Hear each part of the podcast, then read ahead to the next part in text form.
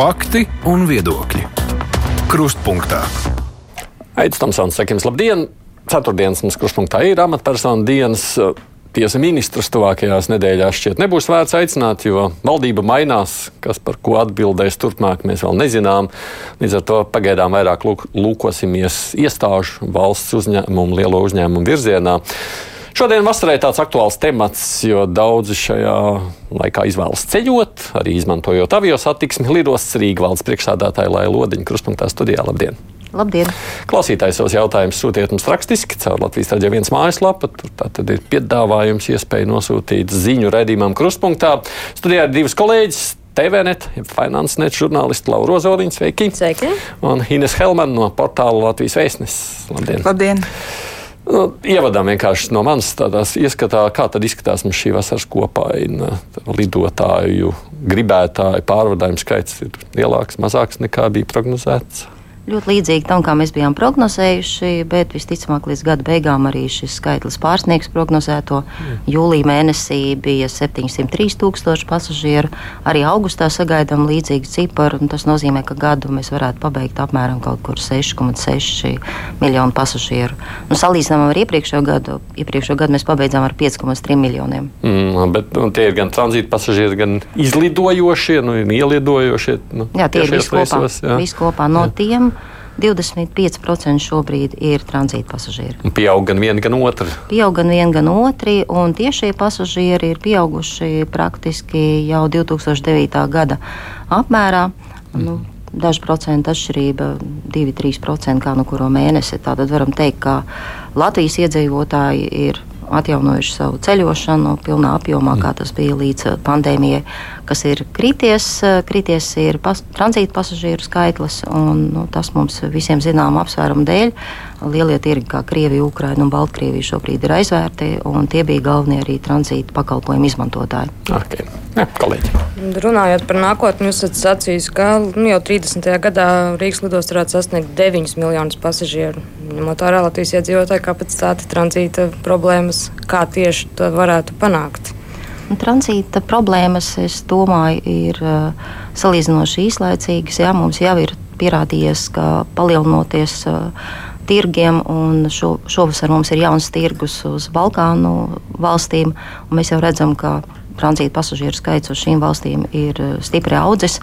Un, Un arī tas pats ir ar, ar uh, Azerbaidžānas, un Armēnijas un Grūzijas tirgiem. Tur arī ar vien vairāk pieaug tranzīta pasažieru skaits. Mēs, protams, ļoti cerīgi skatāmies arī ASV un Kanādas virzienā, jo pavisam nesen uh, Latvijas civilās aviācijas aģentūra saņēma apstiprinājumu no FAA, ka mēs esam kvalificēti, mūsu pārvadātāji ir kvalificēti pirmajai kategorijai. Līdz ar to tas nozīmē, ka arī mūsu pārvadātāji var uzsākt tiešos lidojumus ar Ameriku. Un, tas nozīmē, ka arī no Amerikas pie mums kāds var arī vēlēties uzsākt tiešos lidojumus. Tas noteikti veicinās visādi veidu sadarbību ar vietējiem pārvadātājiem, ne tikai pasažieru ziņā, bet arī kravu pārvadājumu ziņā.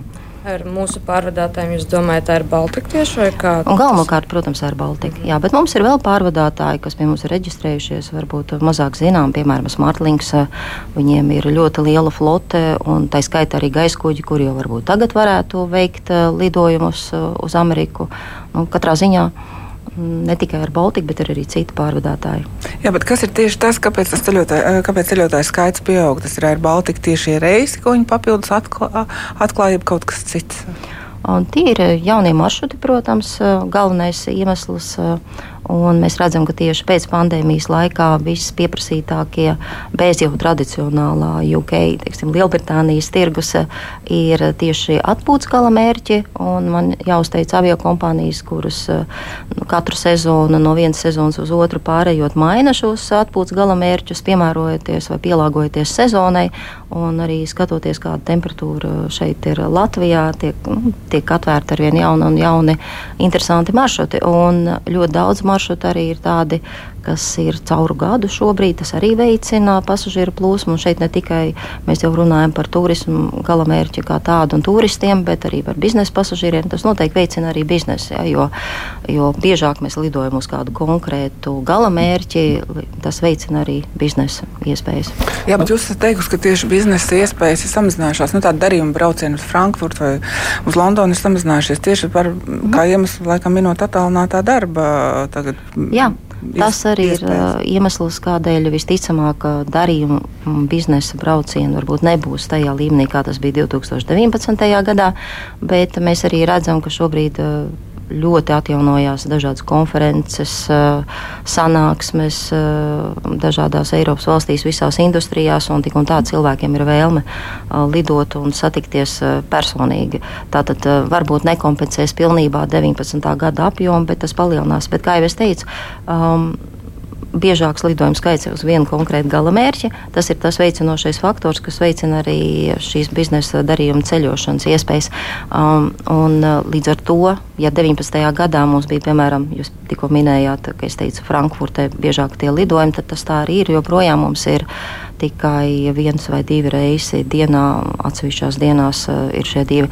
Un, uh, un tāpat arī, piemēram, Berlīna agrāk bija trīs reizes dienā, šobrīd ir viens vai divi. Vēl arī Rainers, protams, piedāvā šo to, bet uh, kopumā nav vēl uz biznesa galamērķiem atjaunojies lidojumu skaits. Un to mēs redzam arī pēc kopīgā lidojuma skaita, kas ir joprojām mīnus 30% pret 19. gadu. Nu, tur arī vairāk iemesli. Pirmais iemesls uh, ir tas, ka ar Baltiku, piemēram, pārgāja uz lielākām lidmašīnām. Ja, viņiem ir tagad viena tipa flote, līdz ar to lielāks piepildījums vienā lidmašīnā un nav varbūt divi lidojumi ar Dash Q400, kas bija iepriekš kaut kādā maršrutā, bet viens uz Airbus. Tas paņem lielāku skaitu pasažieru. Tas nozīmē, ka pasažieru skaits var augt tāpat 19. gada līmenī, bet lidojuma skaitam nav obligāti jāaug proporcionāli. Otrs iemesls, kā biznesa aviācija ir stipri kritusies. Nu, šeit iemesls ir šie slēgtie tirgi, jo nav nevienam noslēpums, jo pārsvarā lielākā daļa šo biznesa aviācijas lidojumu tika veikti no, no Krievijas, no Ukrainas, Baltkrievijas tieši no šiem tirgiem. Un arī kravas lidojumi, tas ir trešais iemesls, kāpēc arī lidojuma skaits ir mazāks. Kravas lidojuma skaits ir stipri krities, atkal jau tā paša iemesla dēļ. Uh, Kravas no Ķīnas ir ļoti grūti atgādāt šobrīd līdz Rīgai. Ja tie ir Eiropas Savienības gaisa pārvadātāji, viņiem jālido ir apkārt Krievijai vai pa vienu pusi vai pa otru pusi. Līdz ar to lidojums ir daudz garāks, izmaksas lielākas, un mēs zināmā mērā esam to savu pievilcību pazaudējuši, neskatoties uz zemākajiem tarifiem reģionā. Jūs šim kravu tirgam redzat alternatīvas Ķīnai kaut kur? Jā, mēs redzam, ka tas varētu būt kāds trešo valstu gaisa pārvadātājs, kuram varbūt ir šīs atļaujas pārlidot, vai tas varētu būt kāds, kas pārvadā, piemēram, Ķīnas kravas uz aizkaukās republikām vai uz Eiropu, un tad no turienes kravu atved pie mums, bet šobrīd ļoti liels kravu apjoms ar tā saucamiem airway bills, un tās, kas ir gaisa kravas, nāk pie mums pa sauszemi. Tātad tās tiek nogādātas. Piemēram, Liežā vai, vai kādā citā lielākā kravu centru, centrā Eiropā, un no turienes pa sauszemi tiek atgādāts uz Latviju, nu, ar to daļu, kas mums pienākās, ja, un tāpat arī atpakaļceļā. Bet es ļoti ceru, ka tas arī mainīsies. Bet jūs, prāt, kurš tas trešās valsts pārvadātājs varētu būt, kuram ir atļauja pārlidot Krieviju vai varētu transportēt kravas no Ķīnas. Jūs kādiem mēģināt sarunāties? Nezinu, turkiem mēs, vai vēl kādiem? Mēs runājam ar Ķīnas pārvadātājiem. Jā. Un mēs runājamies arī ar, gan ar Uzbekijas pārvadātājiem, gan arī ar Aizkaukās un konkrēti ar Azerbaidžānas pārvadātājiem. Tātad sarunas notiek nepārtraukti, bet nu, daudz dažādu iemeslu ir. Galvenais jau ir šis uh, cenas un, un izmaksu iemesls, kādēļ arī tas joprojām turpinās šīs sarunas un, un nevainagojas ar kaut kādiem panākumiem. Bet mums ir arī stabili pārvadātāji, kuri joprojām turpina kravu pārvadājumus. Ir ļoti daudz kravas uz pasažieru gaisa kuģiem, piemēram, ar Baltiku. Šobrīd mums ir lielākais gaisa, var teikt, kravu pārvadātājs. 48% no kravām pārvadā viņi uh, savās, savos uh, kravas uh, nodalījumos. Un, un tad mums ir, protams, FedEx un DHL un daudz citi tādi mazāk arī varbūt un lielāki pārvadātāji, kuri arī piegādā kravas no Rīgas uz dažādām valstīm un arī atpakaļ. Tā kā nav tā, ka kravu biznesā nekas nenotiekās. Vienkārši tas kāpums, varbūt, kas bija Covid sākumā, tas ir noplacis. Tieši galvenais iemesls ir šī slēgtā gaisa telpa. Tās dēļ pie mums nu, nevar tikt vienkārši. Nu, man ir vēl kādi jautājumi par tām lietām, bet es paskatīšos ko ļaudis raksta, ja drīkst. Aina, es saprotu, cilvēks ar kustību traucējumiem. Jautā tā, vai jūs esat pamanījis, ka toalets neatbilst bieži vien minimālām prasībām? Palīdzības poga vai aukla neeksistē vairākās toaletēs. Man ir gadījies arī iesprūst šādā toaletē un gaidīt 15 minūtes, kamēr kāds vispār norēģēja uz drošības izsaukumu. Nu, katrā ziņā jāpaldies par komentāru. Mm, mēs esam ļoti draudzīgi visiem mūsu pasažieriem. Un, ja tiešām ir šādas situācijas, nu, tās ir jāskata individuāli, jo visas mūsu labierīcības ir aprīkotas ar vajadzīgo ekipējumu. Katrā ziņā, ja kaut kur kādreiz kaut kas nav strādājis, jā, nu, tad man jāatvainojas par to. Nu, skatīsimies, varbūt vēlreiz pārskatīsim visus mūsu labierīcības, vai viss tur šobrīd strādā. Nu, tā vēl viena cita klienta raksta, ka arī viņas bieži nav uzkoptas. Kā tā raksta, reizēm tā urīna smaka traucē. Nu, šeit es laikam nevarētu neko daudz komentēt. Mums ir noslēgti pakalpojumu līgumi par terminālu uzkopšanu. Termināls tiek uzkopts regulāri katrā. Katrās labierīcībās ir arī sarakstīns ar to laiku, kad pēdējo reizi uzkopšana tika veikta, un nu, tas viss tiek ievērots. Bet, protams, mēs jau saprotam, ka ir šīs sastrēguma stundas un varbūt kādā konkrētā labierīcībā arī varbūt bija izveidojusies situācija, kas nebija patīkama konkrētai pasažierei. Nu, vēl aina prasa, kad tad beidzot tiks uzstādīta iekāpšanas tilta uz lidmašīnām. Šobrīd tikai četri tas sagādā lielas nērtības pasažieriem. Jā, es zinu, ka tas sagādā lielas nērtības. Jā, diemžēl ilgus gadus vecie gaisa kuģi iet iekāpšanas tilti bija kalpojuši mums, eh, bet pagājušā gadā mēs viņus demontējām, jo tie radīja jau drošības eh, problēmas. Esam pasūtījuši jaunus, jauni būs eh, pieci. Un, līgums ir noslēgts. Principā arī tilti jau ir gatavi. Tagad ir jautājums, kā tilti vēl nokļūs līdz Latvijai un kad mēs viņus varam, varēsim uzstādīt. Bet es domāju, līdz nākamajam pavasarim, līdz nākamajai vasaras sezonai tas jau būs izdarīts. Mm. Jā, kolēģis. Kur viņi tiek ražoti? Tie ir ķīniešu ražojumi tilti. Ja par pakalpojumu kvalitāti man vienmēr šokē Rīgas lidostā kafija lati par 4,50 aizbrauc uz Stambulu un tur ir krietni lētāk. Nu, tā tomēr tā ir tā, tāda vizītkarte, ka aizbrauc, saņem pakalpojumu ēšanā vai nu kafejnīcā. Nu, kāpēc tik dārgi?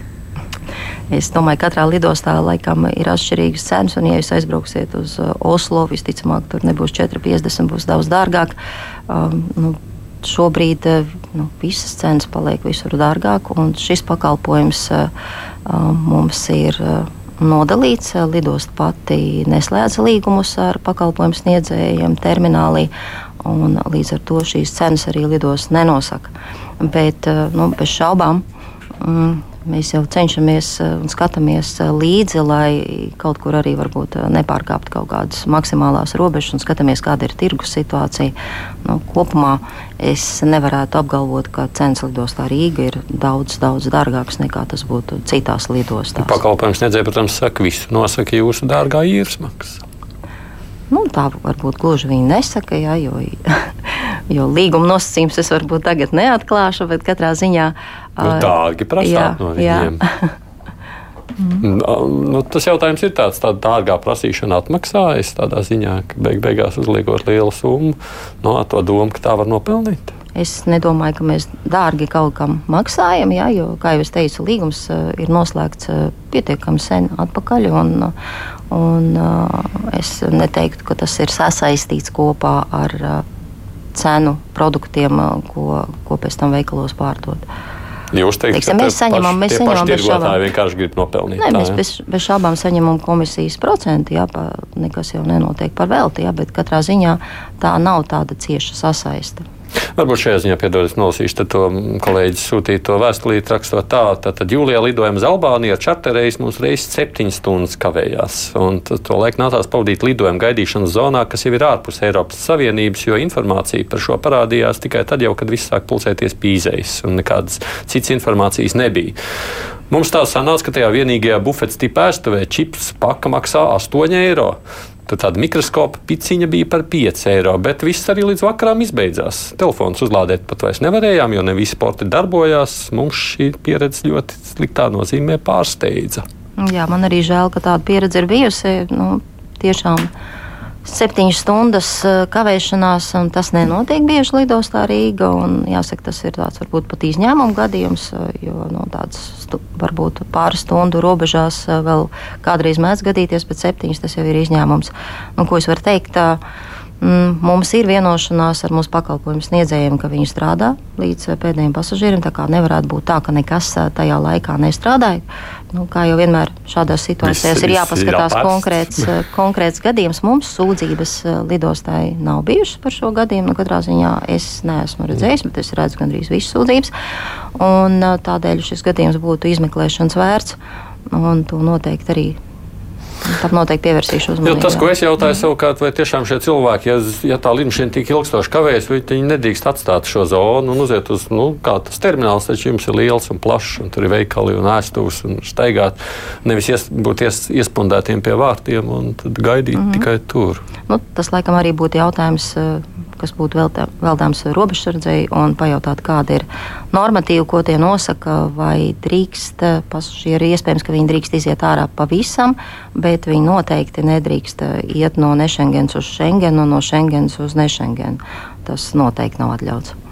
Mm.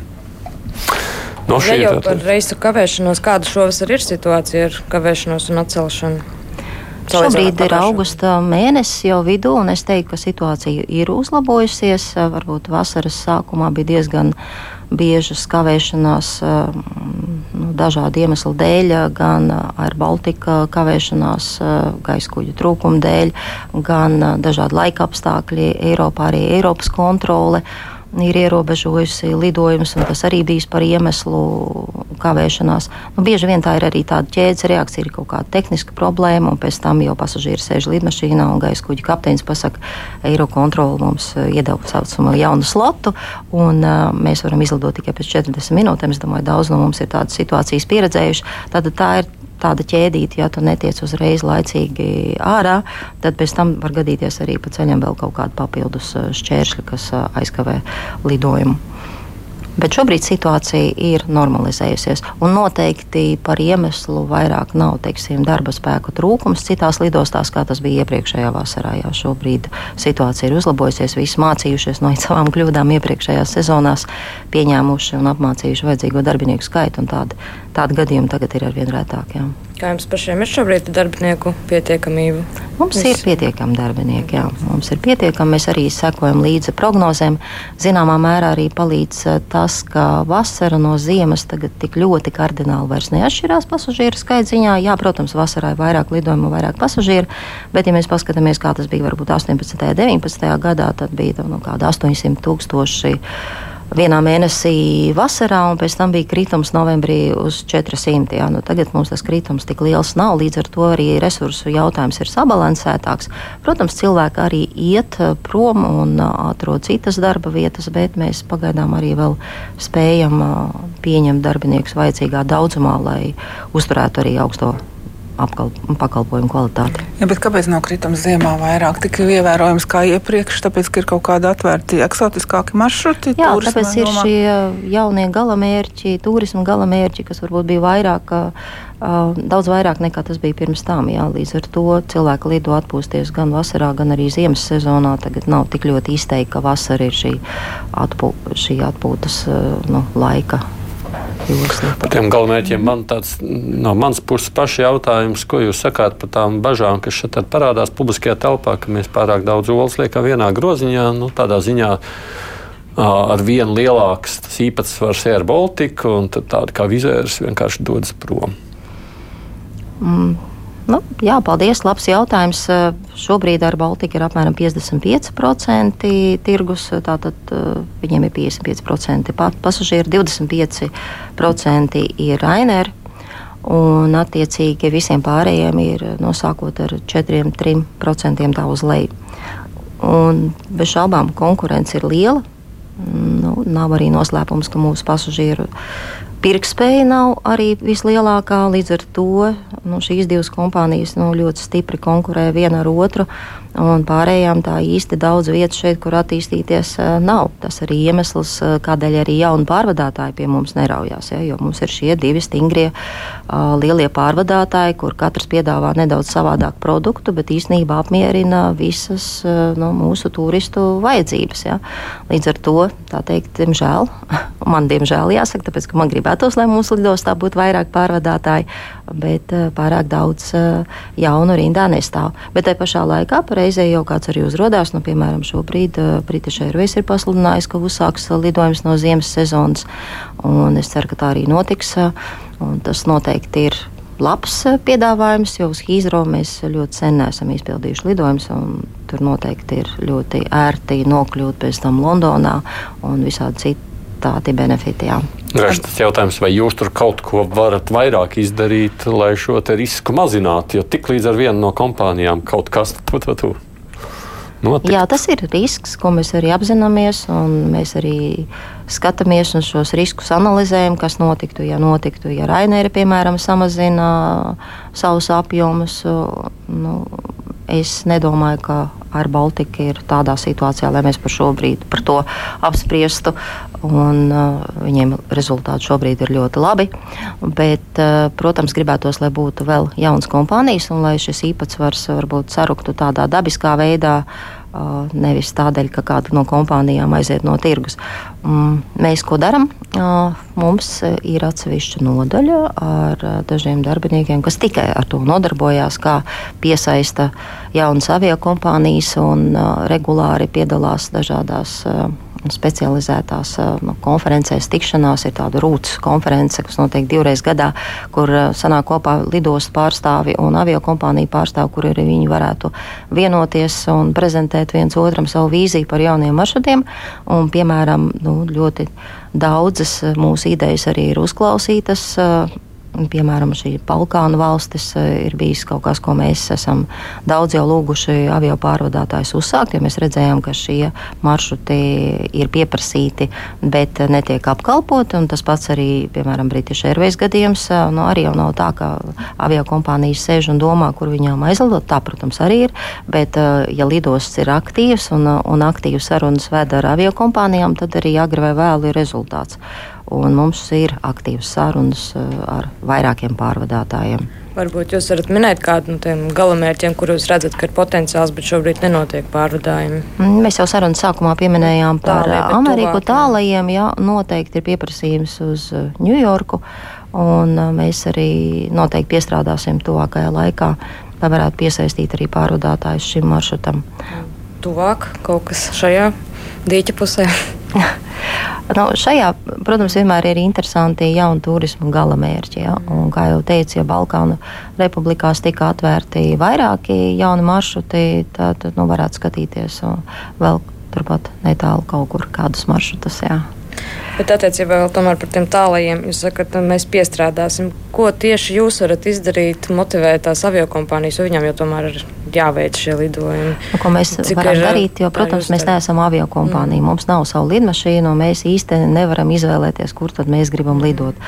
Ko nozīmē strādāt ar aviokompānijām? Tas ir uh, runāt, rādīt, uh, kāds ir pieprasījums uz citām aviokompānijām, kas tieši lido tranzītā, varbūt caur Rīgu uz kaut kādiem konkrētiem maršrutiem, ko mēs nepiedāvājam. Un, uh, un tādā veidā viņus pārliecināt par to, ka būtu interesanti uz šejienes arī lidot. Un, bez šaubām viss nosaka arī, cik šis lidojums izmaksās, ja, un cik par šīm varbūt biļešu nu, biļetēm varētu iegūt avio kompānija un kāda ir šī iedzīvotāja pirktspēja. Līdz ar to tie ir vairāk faktori, kas nosaka, vai avio kompānija izvēlēsies lidot uz Rīgu vai nē. Bez šaubām mēs nevaram nepieminēt šeit arī, ka, lai lidot uz Rīgu, tad Rīgai arī jāpiedāvā kaut kas, kāpēc, lai būtu interesanti cilvēkiem lidot. Ja? Bet, nu, tas jau ir jau tāds cits stāsts. Ja? Bet mēs kā lidosta varam diezgan daudz darīt, bet noteikti tas galvārds būs aiz avio kompānijas, nevis mūsu vēlmu piepildījums.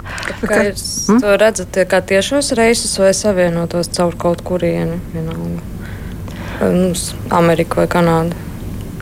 Vislabāk, protams, būtu tiešie reisi, bet mums jau ir arī bijusi pieredze, kad Uzbekistāna Airways vairākus gadus atpakaļ veica lidojumus no Taškentas uz Rīgu un Rīgā paņēma pasažierus, kas lido uz Ņujorku, un tas jau bija tiešais lidojums no Rīgas uz Ņujorku. Tāda, tāda pieredze ir bijusi, un tāda arī ir iespējama. Tas ir tiešais lidojums no Rīgas vienalga. Bet būtu ļoti labi, ja varētu kāds no Amerikas operators uzsākt tiešos lidojumus, vai ar Baltiku iegādātos varbūt nākotnē kādu atbilstošu lidmašīnu, ar kuru var lidot uz, uz Ameriku. Un jau tagad viņi ir noslēguši līgumu ar Delta avio kompāniju par sadarbību. Tas nozīmē, ka no nu, tai sadarbībai nākamais solis varētu būt kādi tiešie lidojumi arī. Varbūt jūs medijos izteiksiet par mm, lidostas sastāvs kārtas paplašināšanu. Varbūt jūs varat pastāstīt, kad mums sāksies tās nērtības kā pasažieriem un kas tur īsti notiks. Redziet, tad, kad sākās uh, Rail Baltica, uh, izbūve lidostā arī visu uzdev šo jautājumu, nu, kad tad sāksies pasažieriem šīs nērtības. Ja? Nu, patiesībā sakot, ja visu labi vada un menedžē, tad šīs nērtības arī var menedžēt un tās uh, tiek minimizētas. Ja? Jo šobrīd mēs redzam, ka nu, nērtību kā tādu uz lidostu piebraukt patiesībā sakot nav. Jā, ir nedaudz savādāks ceļš, bet uh, galvenais par to laicīgi ir cilvēks informēt, izlikt vajadzīgās norādes. Un es domāju, šis ir labs piemērs, uh, no kā mēs arī varam tagad mācīties un arī vadīties tad, kad mēs uzsāksim savu būvniecību. Jo, protams, uh, būvniecība notiks vienlaicīgi ar gan pasažieru izlidošanām, nekas jau nemainīsies. Mēs tādēļ nesamazināsim kapacitāti vai vēl kaut kā savādāk neietekmēsim šī, šī brīža operācijas bet uh, skaidrs, ka būs zināmā mērā nērtības. No, piemēram, IES varētu nebūt atrasties, ne, neatrast, mm, neatrasties tur, kur viņš šobrīd ir, ja, bet uh, varētu iet no, no, no sāniem un tā tālāk. Bet uh, visi šie posmi ir atstrādāti, ja, jo jau projekta ietvaros tiek paredzēts, kā tiks izbūvēts, kādās kārtās tiks izbūvēts šis jaunais termināls. Līdz ar to no šīm nērtībām jābūt minimālām. Ja, kad tas varētu sākties? Tas kad varētu šogad? sākties, mums projekts ir pabeigts, viņš ir apstiprināts. Finansējuma iespējas mums ir apzinātas, un tagad vajag tikai pieņemt lēmumu. Un, pirmās kārtas konkursu mēs plānojam izsludināt jau tuvākajā laikā. Šobrīd notiks uh, publiskā apspriešana vai apspriede uh, pirms uh, konkursu uzsākšanas, un, un tas jau sāksies, manuprāt, nākamnedēļ. Bet tad rudenī, ja, ja tā tad nākamā rudeni, varē, nākam rudeni varētu uzsākties būvdarbi, ja, jo līguma noslēgšanai nu, paies kāds ilgāks laiks. Mēs domājam, ka līdz nākamajai vasarai. Kāpēc tik ilgs laiks, nu gads gandrīz nākamo vasaru šī līguma? Nu, tas ir ļoti nopietns uh, iepirkums uh, un ļoti nopietnas procedūras ir jāievēro. Līdz ar to nu, mēs paredzam arī, ka varētu būt arī kaut kāds papildus laiks, kas jāvelta varbūt kaut kādām pārsūdzībām. Nu, kā jau tādos lielos iepirkumos mēdz būt, tāpēc uh, mūsu tāds optimistiskais variants, ka līdz vasarai mēs pabeidzam bet, uh, noslēdzam līgumu ar kādu būvnieku vai būvniekiem, kā nu tas izveidosies. Un tad būvdarbi varētu rudenī uzsākties. Un ko mēs kā pasažieri iegūsim? Jā, mums būs uh, praktiski jauns termināls. Nā, mūsu terminālam nākamā gada ir 50 gadi, starp citu. Jā, mēs arī plānojam to visai plaši atzīmēt. Um, šī publiskā daļa, kura pasažieri izmanto pirms eh, izlidošanas, tātad reģistrējoties un izējot drošības eh, kontroli, nu, nav īsti daudz mainījusies no tiem laikiem, kad tā tika uzbūvēta. Jau 19. gads parādīja ar 7 miljoniem, nedaudz vairāk kā 7 miljoniem pasažieru, ka tas ir stipri, stipri par šauru, bija liels rindas uz drošību un arī rindas uz reģistrāciju. Arī joprojām mums ir rindas uz reģistrāciju. Nu, viss tās mazais placīts praktiski ir pilns. Jā. Galvenais uh, ieguvums ir paplašināt uh, šīs publiskās uh, telpas, lai mēs arī varam izveidot jaunu, modernu drošības pārbaudi, jo tagad varbūt esat arī dzirdējuši, ir šie jaunie, jaunās pakāpes. Uh, rokas bagāžas EDS skeneri, ko aktīvi visi lidostas iegādājās. Un, diemžēl mums tādas iespējas viņus novietot esošajā vietā nav, jo pirmkārt nespēja ir par mazu. Nu, 50 gadi ir šai sadaļai, ja tur neko mēs mainīt nevaram. Otrakārt, pat ja mēs ieliksim kādus četrus, šobrīd ir astoņi, tas nozīmē vēl lielāks tikai rindas. Ja? Līdz ar to mums ir jāga, jāgaida šis paplašinājums, tad mēs arī varēsim lidos te pasažieru terminālu modernizēt. Bet tas nav viss, jo mēs jau nebūvējam tikai terminālu šī sestā kārta ietver arī līdz ar to jaunas pievedceļus pie termināla, jo termināls izskatīsies nu, pavisam savādāk nekā tas šobrīd ir. Tā ir daudz stāvu autostāvvieta, ko mēs pie termināla būvēsim, un pats galvenais iespējams un pasažieriem nu, visvajadzīgākais ir šī bagāžas pārstrādes nodaļa vai, vai nodalījums. Tas ir tas, kur šobrīd pasažieri saņem bagāžu. Mums tur ir divas mazas lentes tikai, un uh, ir lieli sastrēgumi, jo no vairākiem reisiem uz vienas lentes nevar likt bagāžas. Dažādi mēģinam izlīdzēties un esam paņēmuši papildus resursi. Mums ir klienta servisa cilvēki, kas šīs bagāžas atlikušās, kas varbūt vēl nav noņemts no lentes, ņem paši nos, lai ātrāk varētu nākamais reizes tikt apkalpots. Bet uh, nu, ar šādiem palīgiem mēs varam, būt, varam nedaudz izlīdzēties un nedaudz pātrināt procesu, bet uh, nepilnībā uzlabot kvalitāti. Tādēļ tajās sastrēguma stundās, diemžēl, cilvēkiem gadās arī 20 minūtes pagaidīt šo savu bagāžu. Mm -hmm. nu, uz kādiem jautājumiem jau atbildējat no klausītāju jautājumiem, kas šeit ir, bet nu, faktiski droši vien tas lielais jautājums, ko te vairāk prasa, takšu cenas. Mm. Bandītiskie takši, kā te raksta, gadiem brīvi uzmācās pasažieriem. Nu, kas notiek ar taksometriem Rīgā? Jā, takšu jautājums ir mūžam aktuāls, tā varētu teikt, un mūsu reputāciju ilgstoši graujoši. Tādēļ nav tā, ka mēs galīgi neinteresējamies par šo jautājumu. Mēs tiešām aktīvi ņemam līdzdalību šajos procesos. Un, mm, Varbūt par to kārtību. Tātad uh, auto pārvadājumu likums uh, nosaka, ka šo vienu līniju, oficiālo vai licencēto takšu līniju, var izmantot tikai taksometri, kas ir licencēti. Un, uh, ar to licencēšanas procesu kontrolē Rīgas attīstības reģions, laikam tā saucās prec, precīzāk, laikam varbūt nokļūdījos tagad, bet jebkurā gadījumā mm, šī ir iestāde, kas licencē taksometrus, lai taksometrus varētu licencēties, ir jāatbilst vairākiem kritērijiem, no, piemēram, gan dizains, gan arī pieci gadi, nevecāka nevecāk automašīna kā pieci gadi. Un tad arī Viņi var saņemt šo certifikātu, un šobrīd ir tādi 73 automobīļi vai taksometri, kas var izmantot šo oficiālo līniju. Pārējie taksometri arī drīkst iebraukt tajā P1 stāvvietā. Arī nesen izveidojām Bolt stāvvietu, kur pasažieri pēc aplikācijām var izsaukt taksometru, un kur ir tā viena vieta, kur viņi arī var iekāpt un izkāpt. Mm, tik daudz par to, kāda ir tā kārtība, kas attiecās uz sūdzībām, ko mēs saņemam, tad tās pārsvarā tiešām ir par šīm nesamērīgajām summām, ko, viņi, ko prasa taksometru šoferi. Uh, nu, diemžēl nav noteikts Latvijā maksimālais uh, tarifs par uh, kilometru. Ja, būtu ļoti labi, ja to varētu arī pieņemt tādu lēmumu, teiksim, valdībā, ka šāds regulējums uh, tiek piemērots, un, un tas zināmā mērā sakārtot vismaz šo jautājumu par par to, cik daudz prasa par kilometru. Jo arī tie, kas šobrīd licencētie strādā mm, uz šīs līnijas, ir ar dažādiem tarifiem. Un arī tas jau ir nepareizi. Nu, tagad es runāju par tiem legāliem tarifiem, bet, protams, vēlās vakar stundās, kad taksometri ir maz, tad nu, ir šīs sūdzības no pasažieriem, ka taksometru vai nu vispār nepaņem pasažieri, jo ir ļoti īss šis brauciena mērķis, jā, nu, gala punkts, vai arī par nu, braucienu līdz centram no 50 līdz 60 vai pat 70. Nu, dzirdēts dažādas summas, paprasa eiro.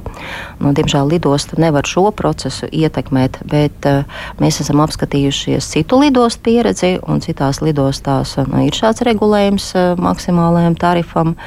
Un, uh, tas būtu arī tas, ko mēs visticamāk arī rekomendētu uh, satiksmes ministrijai tālāk virzīt. Mums ir šīs sarunas uh, šobrīd ļoti aktuālas.